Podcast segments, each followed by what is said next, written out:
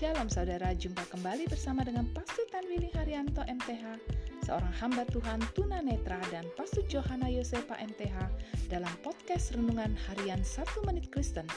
Di dalam podcast ini, kami membagikan kebenaran dari Alkitab yang dimulai dari kitab kejadian sampai kitab Wahyu.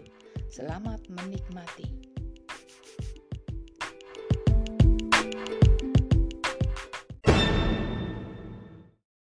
Shalom saudara berharga di mata Tuhan, senang dapat jumpa dengan saudara. Hari ini firman Allah menasihati kita untuk tetap mengikuti Allah.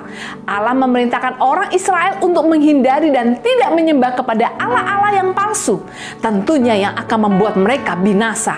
Sebab ketika mereka di Mesir, mereka telah dikelilingi oleh dewa-dewa dan juga ahli-ahli sihir. Akan tetapi, ketika mereka meninggalkan tanah Mesir, bukan berarti mereka akan bebas dari pengaruh-pengaruh berhala-berhala. Di tanah Kanaan pun penuh dengan penyembahan berhala. Allah tahu umatnya memerlukan kekuatan untuk menghadapi persoalan ini.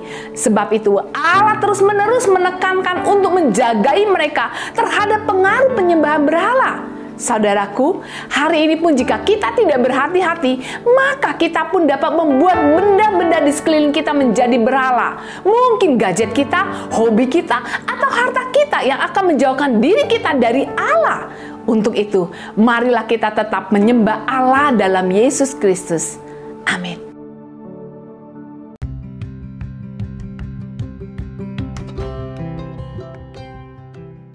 Terima kasih saudara telah mengikuti podcast Renungan Harian 1 Menit Kristen.